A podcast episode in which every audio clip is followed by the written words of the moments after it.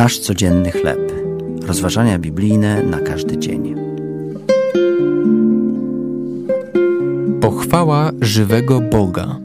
Tekst autorstwa Merwina Williamsa na podstawie listu do Efezjan, pierwszy rozdział od trzeciego do czternastego wiersza.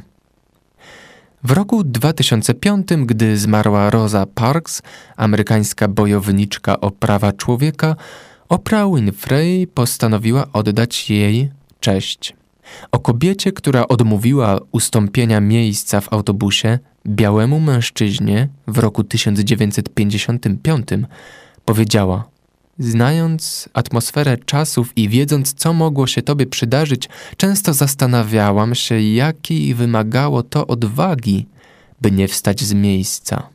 Postąpiłaś nie bacząc na siebie i uczyniła się życie lepszym dla nas wszystkich.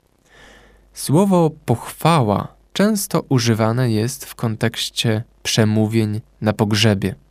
Może ono również odnosić się do sytuacji, gdy kogoś wysoko cenimy. W początkowych wersetach listu do Efezjan apostoł Paweł wychwala żywego Boga, gdy mówi: Błogosławiony niech będzie Bóg i Ojciec. Wykorzystuje słowo błogosławiony, które oznacza pochwałę.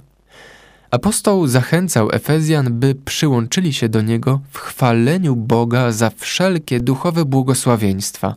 Bóg wybrał ich i przybrał za synów. Jezus odkupił ich, odpuścił im i objawił tajemnicę Ewangelii, duch zaś zapieczętował. Zbawienie to było czystym aktem Bożej łaski. Skupiajmy nasze myśli na Bożych błogosławieństwach w Chrystusie. Gdy to czynimy, jak apostoł Paweł, odkrywamy, że nasze serca wypełniają się pochwałami, które mówią ku uwielbieniu chwalebnej łaski Jego. To były rozważania biblijne na każdy dzień. Nasz codzienny chleb.